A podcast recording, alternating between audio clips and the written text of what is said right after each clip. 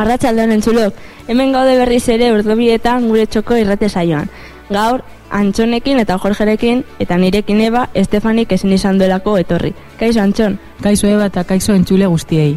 Bueno, eba gaur, badakizu zaini buruz hitz egingo dugu musika talean? Nori buruz, Antxon? Baitoitz, taldeari buruz. Ba, bueno, argaitezen ja.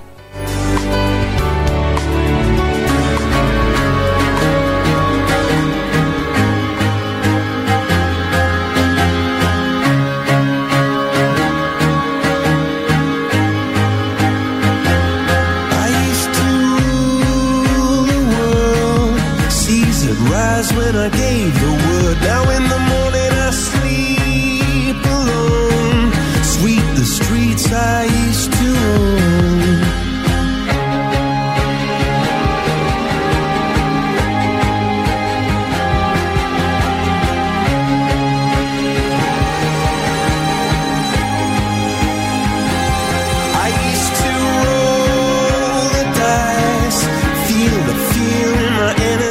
Saioa ondo azteko entzuten ari garen abestia Biba la vida izena du, Coldplay, Coldplay dena.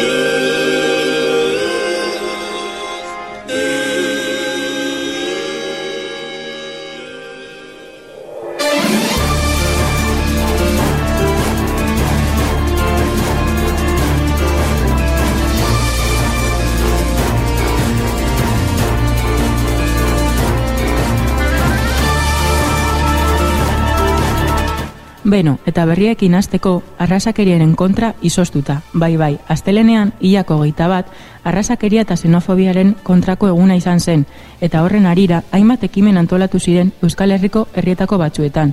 Tartean, Eibarren, udaleko immigrazio zerbitzuak egindako deiari erantzuten ehun bat lagun elkartu ziren zazpiretan txantzazelaian, eta flasmut egoki egiteko jakin beharreko inguruko azalpenak entzun ondoren zazpit erdietan toribetxe berria kalean jende artean kokatzen joan ziren, bakoitza kokeratutako tokian geldirik izoztuta bos minutu manda arrasakeraren kontrako euren jarrera erakusteko.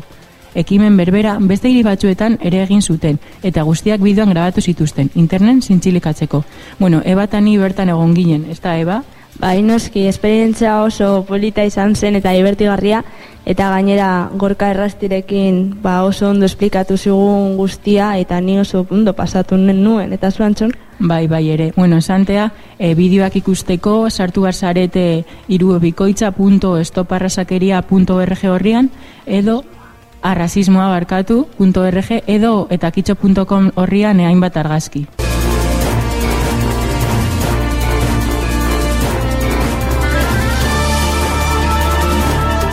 Jarraitzeko, Eibar Reala gaur ipuruan arrateri laguntzeko partidua egingo dute. Zortzi terdietan hasiko da gaur ipuruan Eibar eta Realaren arteko norgeiako gokoa. Kasu honetan, arrat eskubaloi taldeak dituen arazo ekonomiko larriei aurre egiteko bertako gestorak antolatutako ekitaldian. Partidua ETB batek ere eskainiko du, baina ikusita zein den helburua eta zelako mailako taldeak neurtuko dituzten indarrak, arrateko ondo hartuko du zenbat eta saletu gehiago ipuruan biltzea.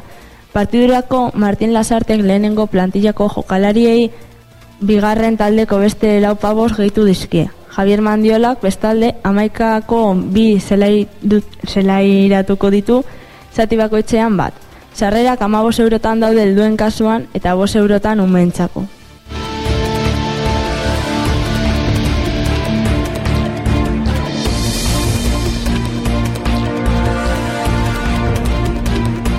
Iparagirre trafikoaren txat itxita dago. Igugaiuko beharrengatik sarautze gira igotzeko azitainetik gora doan errepide berria erabili behar da.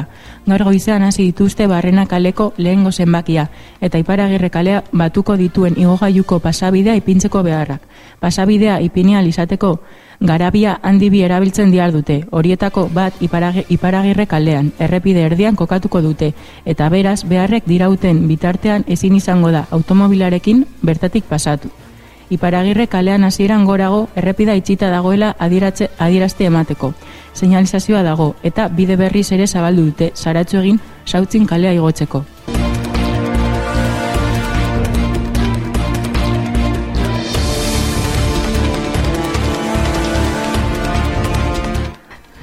Bueno, aurtengo laguntza Argentinara zuzenduko dugu, Eibarko udalak emaniko diru laguntzari esker, e, bertako Kordoba iriko Malvinas Argentinas auzoan dagoen Hector Badi, Badibielso ikastetxaren hezkuntza planean esku hartzeko, proiektuaren helburua honakoa da. Auzo honetan ba, beharren dauden aur zein gazten hezkuntza garapena eta gizarterizazitzea. Diru laguntzaz gain, bizentruko familien eskuzabaltasunari esker, gure baliotan oinarritutako hirugarren munduarekiko sentsibilizazioa ere egongo da eta bi ospakizun nagusiak. Izazin martxoaren agoita bostean eta azitainen gaur izan dugu eh, elkartasun jokoak. Ez da, Eba? Bai, noski, eta oso ondo egon dira, proide proega e, aurrera eraman nahi duen proiektuari buruz ere hitz egin dugu, eta, bueno, ba, aurrera ondo ateratzea espero dugu hemendik.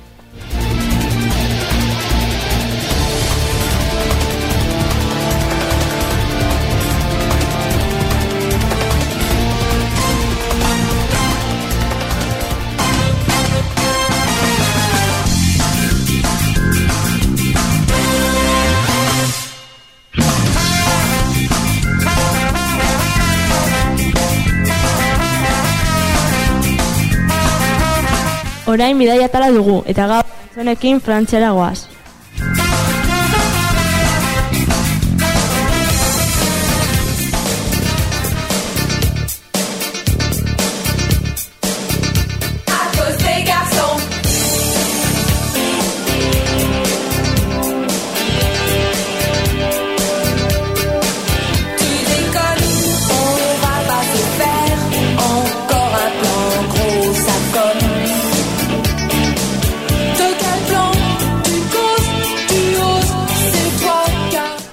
Akuz de Gasons abesti antzuten ari garen bitartean, Frantziara joango gara. Frantziako Errepublika Europako batasunaren estatu bat da.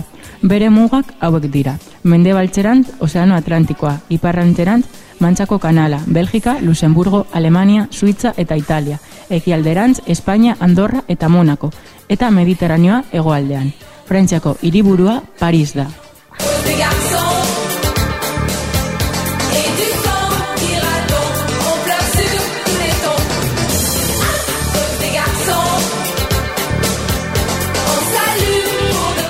Metropolitar Frantzia Europako mendebaldean dago. Frantziako estatuaren zati dira. Alaber, Europatik kanpo diren hainbat lurralde. Ipar Amerikan, Antili, Antiletan, Ego Amerikan, Ozeano Indikoan, Ozeano Bareko, Ego eta Iparraldean eta Antartikan.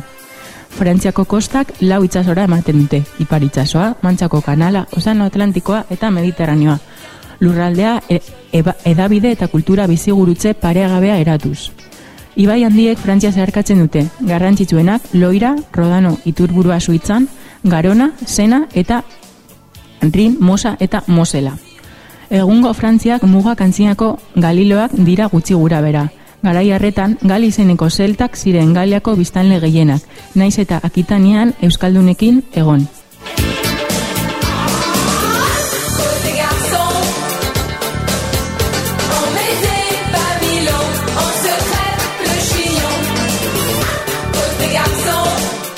Parisko amariri nagusiak dira Paris, Lyon, Marsella, Lille, Toulouse, Niza, Bordel, Nantes, Estrasburgo eta Toulon.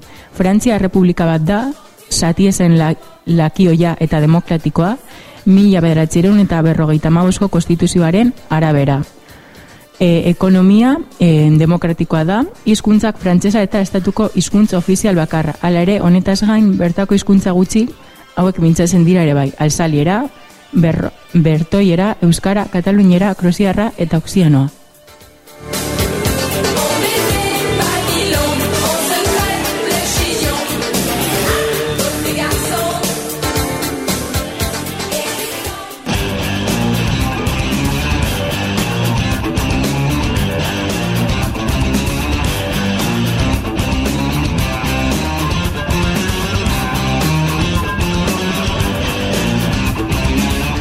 Orain musika talarekin hasiko gara. Esteban ez dagoenez, antxonetanik hitz egingo dugu itoitz taldeari buruz.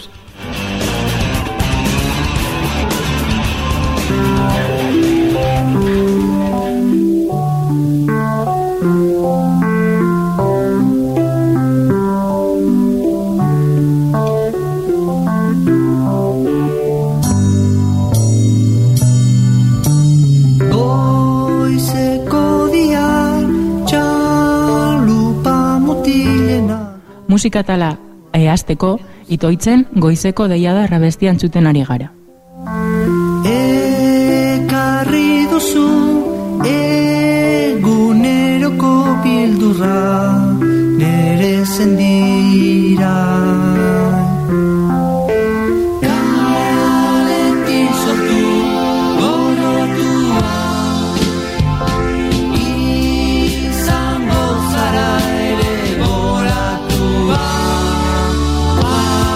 Itoitz musika taldea izan zen mila bederatzeron da irurogeita mazortzean mutriku eta ondarroa inguruan sortutakoa, eta hainbat estilo landu zituzten ala nola, folk, pop, rock, progresiboa eta abar. Bere, bere bueno, urteak izan ziren mila bederatzeron da irurogeita mazortzitik mila bederatzeron da larogeita sortzira. Eta diskoetxe, eh, diskoetxeak izan ziren sosoa eta elkar.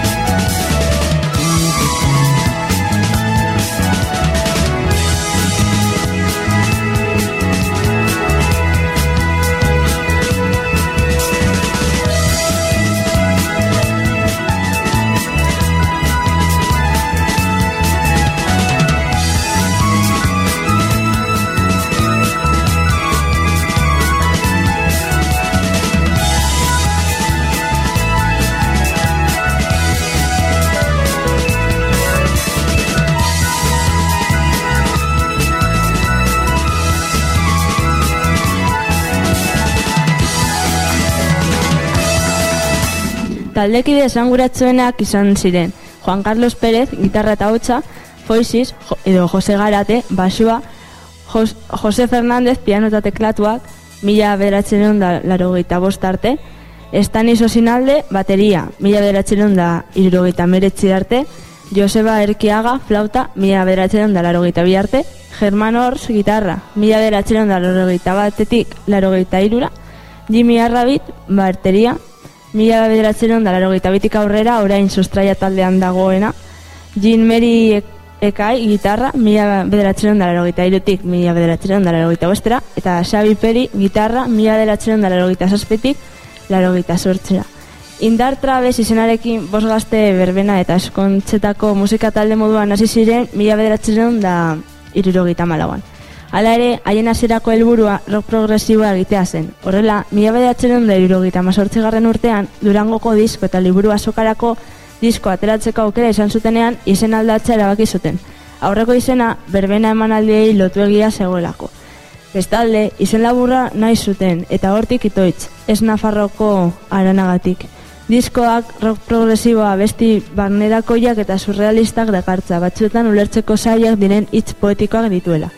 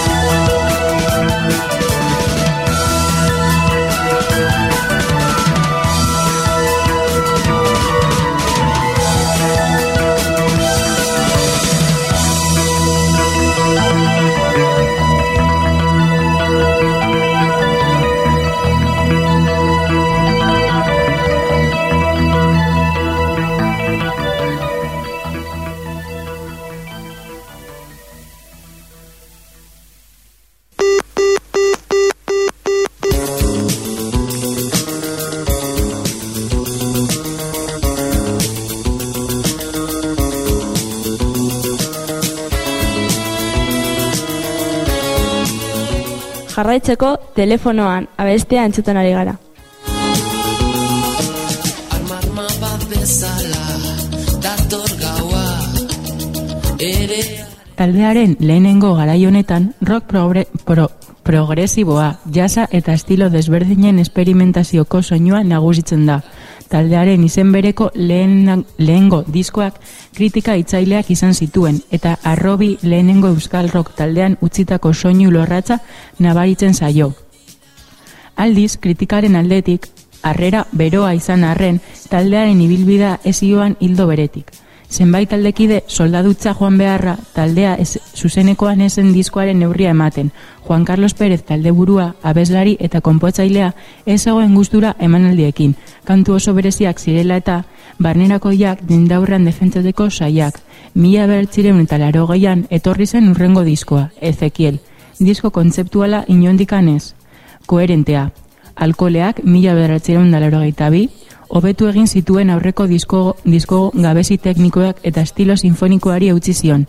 Marilyn abesti entzunerraz eta politaz. Ordea, aurreratu egin zuen urrenengo etapako irekitzen ari zen bidea. Pop rockari heltzea.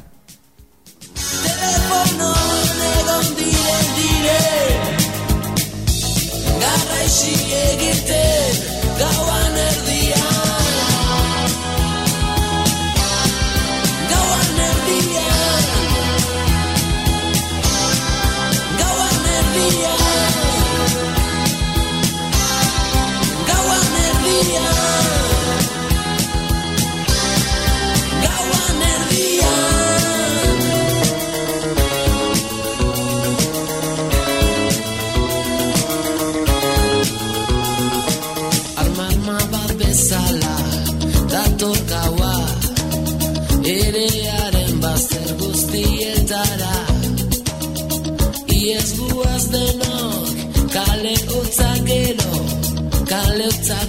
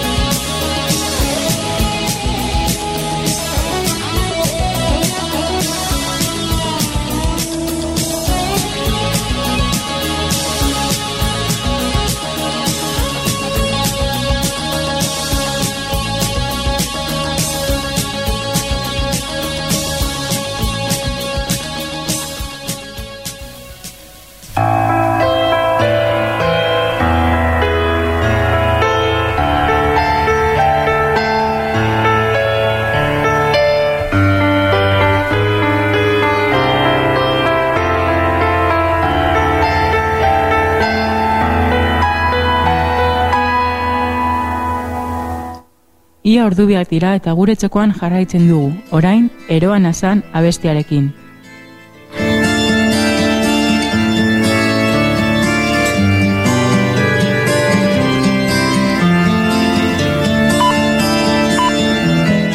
Ordu biterdiak dira orain.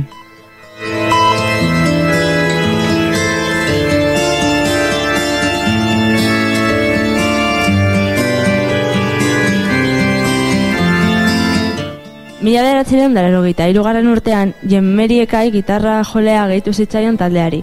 Don Iban Eloizuneko musikari gaztea guztiz trebea zen gitarrarekin, sortzailea eta ideia berrien ekarle. Bere ala zuen harreman estua eta sortzailea Juan Carlos Perezekin. Etapa berri honetan alde batera utzi zuten musika sinfonikoa eta rock progresiboa, popari heldu zioten bete-betean. Guk rock progresibo erritmika bat erabiltzen genuen kantan egiteko, eta Jenmerik ekarri zuen beste bat. Filgumak erritmoa, pop erritmo binarioa, guk ordu arte ezagutzen eta arekin lotuta kantuaren kontzeptua ekarri zuen, hiru minutukoa eta leloarekin. Guk ordu arte obra kontzeptual txikiak egiten genituen garapen luzeko kantuak. E, Juan Carlos Perezek dioen bezala. Diskoaren harrera bikaina izan zen, nola entzuleek aldetik ala kritikaren aldetik, eta bestigo goangarri utzi zituen, Marea Gora, Tualiz.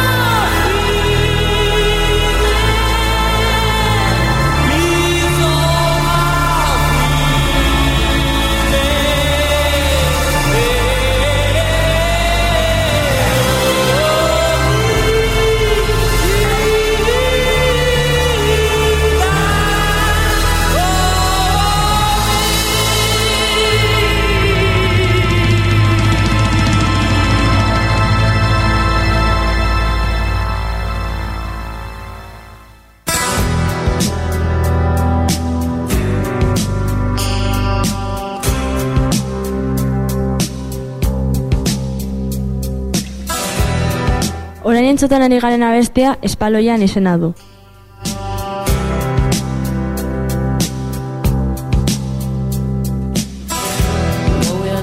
Taldearen urrengo pausoa espalo, espaloian entzuten ari garen abestia, LParen argitarapena izan zen, disko poperoa hori ere, baina naturalagoa eta barnerako igoa. Ordurako hasiak ziren, Juan Carlos Pérez eta Jean-Marie Ekairen arteko desberdintasun artistiko eta profesionalak, eta ondorioz, azkenean, bigarrenak taldea utzi zuen, bere bi abesti utzi zituen diskoan hala ere. Juan Carlos Pérezek ez zuen espero aurreko diskoaren arrakasta gainditzea, aldiz areagotu egin zuen, Bilboko La Castilla kiroldegian egindako aurkezpen kontzertuan Euskal talde batek ordu arte inoiz bildutako jendetzan diena erakar, erakarri zuen, zazpi mila pertsona.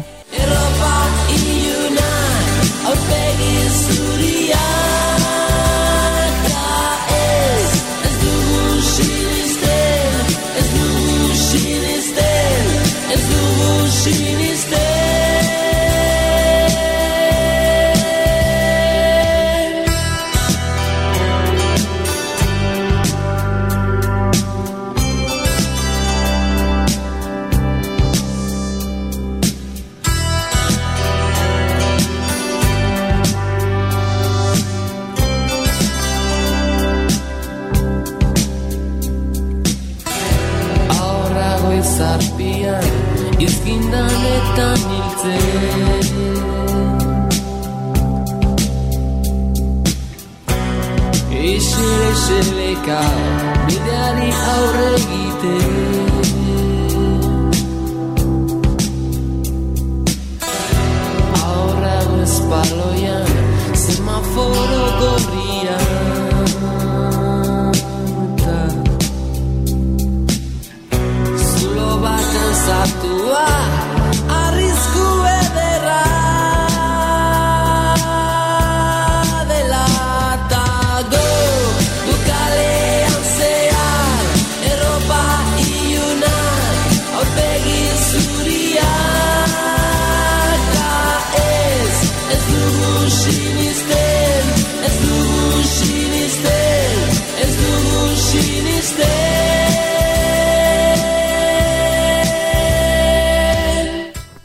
Mila bederatzeron da larogiko amarkadaren erdialdera nabarmena zen Euskal Rock er, erradikaleko musika taldeen goraldia eta nagusitza eszenatokietan. Ito itzordea esen giro horretan ondo gokitzen. Hainbatetan jo behar izan zuen kontzertuetan horrelako taldeekin, ertzaina, kortatu eta bar, eta hainbat kritika eta gogorkeria ere jasan zituen. RRV-ko taldearen txat, guk ordezkatzen genuen sistemak esarritakoa komertzializ, komertzialitasuna politikoki zuzena ginen. Oso egoera deserosoa zen jendearen erasoa jasan behar izan genituen. Adirazten du Juan Carlos Pérezek.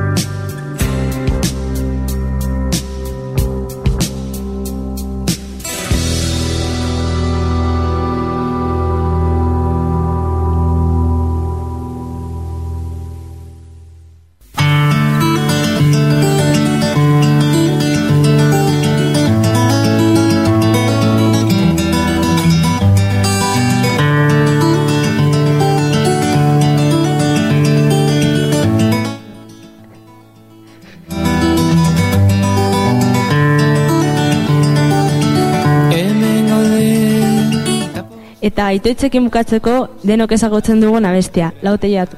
bai Da zer ondo zelan dihua Zure bufanda txuria Mila bederatziren eta laro zazpian Juan Carlos Pérez nekatuta zegoen ordurako. Taldeko giroare zen oso ona. Hala ere, sei kantuko LP bat ateratzea beta izan zuen or oraindik. Poperoa zen hori ere, baina rokeagoa eta zikinagoa. Harrera ona izan zen, eta Frantziatik ere ibili ziren itzul batean, FR3ko programa batek erreparatu egin zien eta saio bat dedikatu. Baina ordurako utzikeriaren erotzen hasia zen taldea, ilusioa galtzen. Juan Carlos Pérezek modu dotorean bukatza erabaki zuen eta horretarako getxon kontzertua egin zu egin eta zuzeneko album bikoitza argitara zuen mila bederatziren eta larogeita sortzian.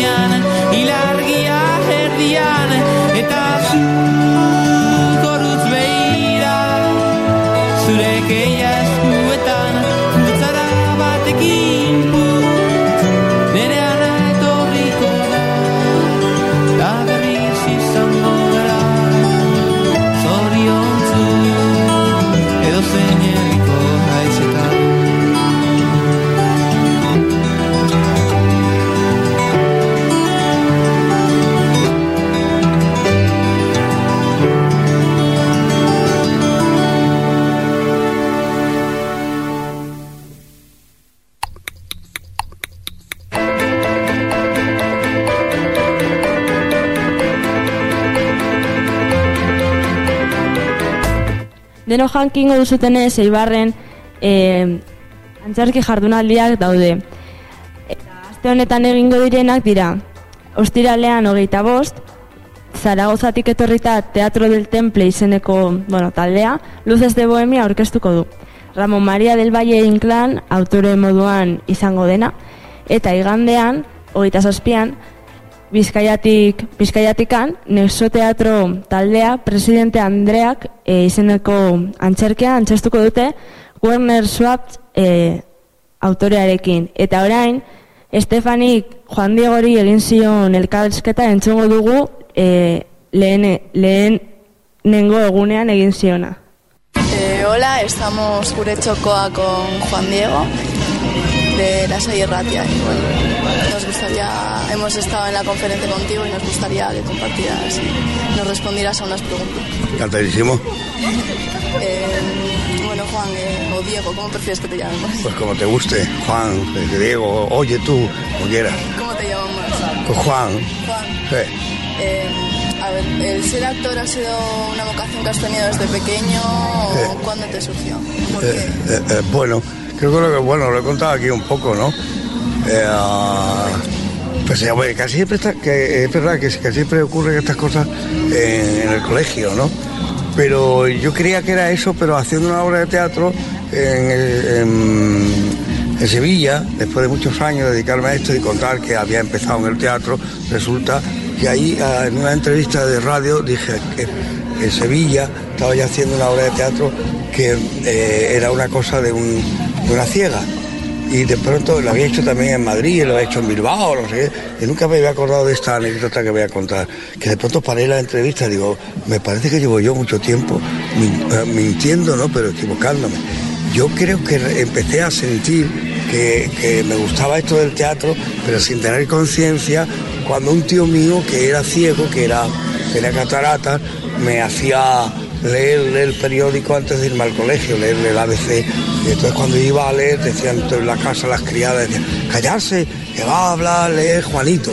Y entonces he hecho la solemnidad de ir a leer, a lo mejor más tarde, eso me hizo eh, sentir la necesidad de hacer teatro, pero no era consciente de esta historia.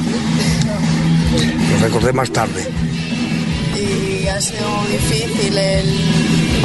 No has tenido ningún momento en el que has dicho no puedo yo con esto y que hayas querido cambiar de rama. No, no, no, sabía que era muy difícil y que había que tirar para adelante. Y yo creo que todo es muy difícil, pero hay que tirar para adelante. Eh, pues tienes un tiempo para tirar para adelante siempre, porque, porque tienes de 18 años, 20, 25, 30, no tienes hijos, entonces tienes que tirar para adelante. Si tienes un hijo, pues te lo montas encima y tiras para adelante, para adelante. Es más hostia. Cuando empezaste ahora, ¿qué cambio, qué diferencia ves en el teatro, en el cine? Porque hay una gente muchísimo más preparada en todos los terrenos, las actrices, los actores, los autores, la tecnología, el público está más preparado. En definitiva, todo lo que prohibía la falta de libertad con el fascismo de Franco, pues en el momento que aparecen las libertades, aparece la capacidad de la que es más creativa, el público es más exigente y, eh, inevitablemente aparecen conceptos nuevos dentro de la escritura cinematográfica o teatral y aparecen también elementos técnicos que te hacen que todo cambie de una manera prodigiosa. Eh, durante la conferencia comentaste algo de la crisis en el teatro y así, que está claro que afecta, pero ¿en qué medida está afectando ahora en el teatro y en el cine?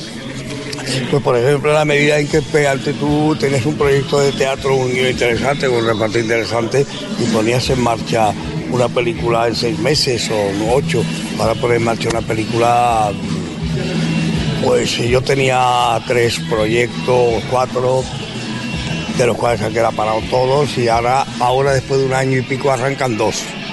O sea, quiere decir que, que, bueno, pues hay recorte de todo y se piensa más, muchísimo más cualquier tipo de inversión. Entonces es en ese sentido. Y después ya en el terreno profesional, eh, de pago a los actores y demás, pues como aquí han bajado los sueldos a la gente y eso eh, se nota también en, nuestra profesión, claro está. Eh, a la hora de actuar, ¿dónde te sientes más a gusto? ¿En el teatro, en el cine? en Me siento bien en los tres, lo que pasa es que el teatro, ahí no, tú ruedas en, en el cine y entonces te ruedan una secuencia y después te la cortan y te mutilan a lo mejor parte que tú consideras que son muy importantes, ¿no? Eh, en el teatro arriba el telón y tú tiras para arriba y, y tú eres el rey del mambo. Entonces ahí no te para nadie, te equivocas, no sé qué, tiras para arriba, para abajo. Siente más. Fíjate que el teatro es una cosa, esto que parece, bueno, pues cuando está lleno de gente, esa gente que está ahí ah, eh, crea una energía, eh, una, energía que se pone en combustión cuando salen los actores y entonces remueven las energías y se produce la sinergia, la fisicidad entre esa energía y, y el actor. Eh, son, son sensaciones eh, tremendas que no la tienes en el cine, ¿no? El cine es otra historia, ¿no? De manera que aquí cuando tira el telón para arriba tú eres el, el dueño y señor de la historia.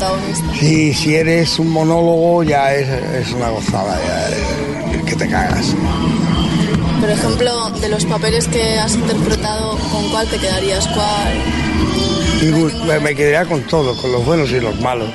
Eh, como dice, eh, tú que tienes muchos amigos, muchos hijos, ¿y cuál te quedas? To- Todos los papeles son mis hijos. Uno me salió peor, otro mejor, otro tuvo yo la culpa, otro no. Pa- ¿Para qué, ¿Para qué me voy a quedar con uno? Eh, ¿Quién es ese? ¿No? Eh, Frente a los demás, que a lo mejor lo he amado mucho y no me salieron bien. Una- eh, por ejemplo, ¿y algún papel que te haya costado interpretar que hayas- Todos cuesta mucho. Hacerlo bien cuesta muchísimo. Y lo haces bien y no te sale. ¿Se entiende? Eh, sí, porque, pues, pues- porque sí, pues lo haces y ya está. Pero tú notas que te has ido quedando cosas. eh, te, has ido quedando cosas eh, que no han, han salido, que no te lo han montado. Mm, hombre, A mí, a mí me gustaba mucho un personaje porque andaba muy despistado, tenía eh, problemas así con las gilipolleces de la vida, ¿no? Existenciales, ¿no? Entonces, pues, problemas del alma, ¿no? Y entonces me gustó mucho una cosa de Juan de la Cruz que hice, un poeta y el, poeta por excelencia castellano de la lengua española, ¿no? Llama Juan de la Cruz y eso me hubo un tránsito del alma muy interesante. Y quizás uno que me emocionó mucho era hacer de actor en una película que se llama Vete de mí, que hacía la vida de un actor secundario, de ese que no había triunfado nunca. Y eso me emocionó ver que, que la profesión me, me- me- premiaron, me dieron Goya, y porque y cuando me dieron el Goya me sentí que había contado una cosa de verdad, que si no los actores no te votan. Entonces, quizás hay más, pero bueno, eso es por, por, por- por decir algunos, pero todos los quiero mucho. A los más mierda y los peor que estaban hechos también.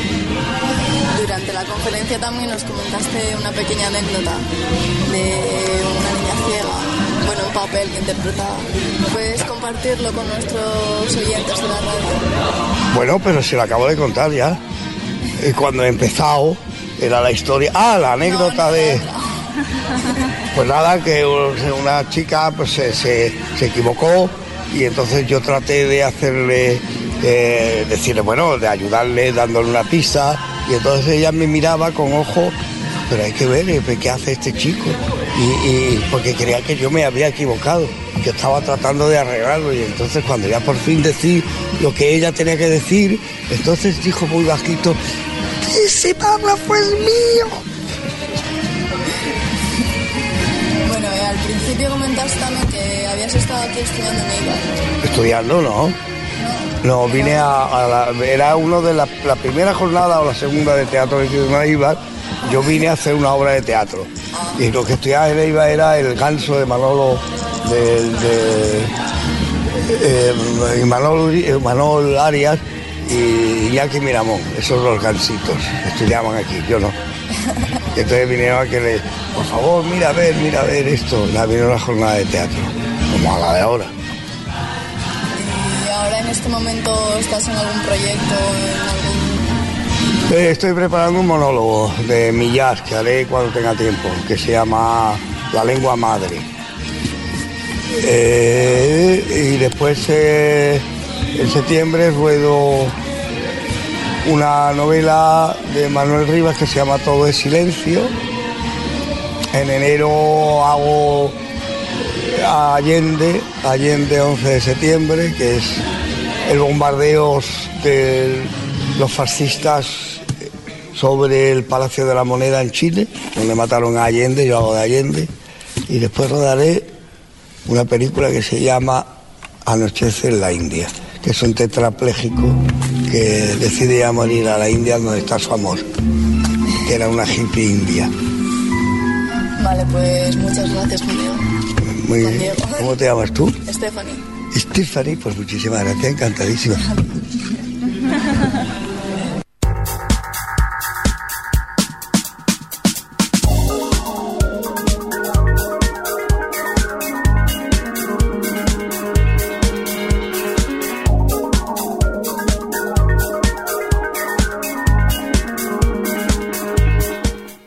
orain, eguraldia.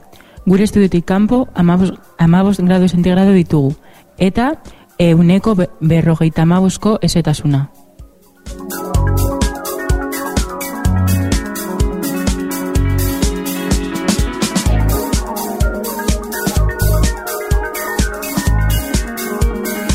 Udaberrian sartu garaia da eta Jose Landak esaten digu giro ona aste guztian izango dugula. Gaur asteazkena e, egun sentia hotza eta gerora eguzkitzu egongo da. E, ostegunean, odei pa palastak ego ekialdeko aizearekin izango ditugu, Ostiralean haize ahulago baina ego ukituarekin epelduz larun batean, ekaitz tankerako saparradatxoan kostaldean, eta igandean bukatzeko zerua erdiz estalia eta euri arriskutsua arratzaldean.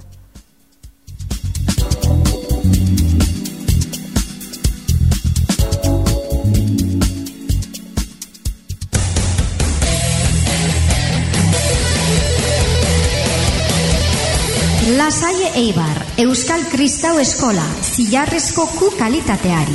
Lasaie Eibar, beti zure ondoan.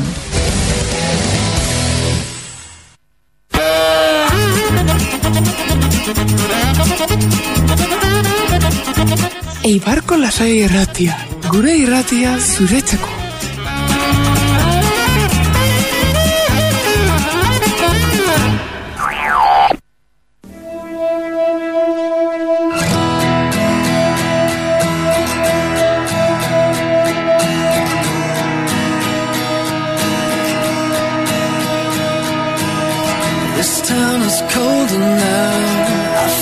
It's sick of us. It's time to make a move. I'm shaking off. Saioarekin bukatzeko hemen dugu One Republic taldearen estopan estera bestia. I'm staring down myself, counting up the years.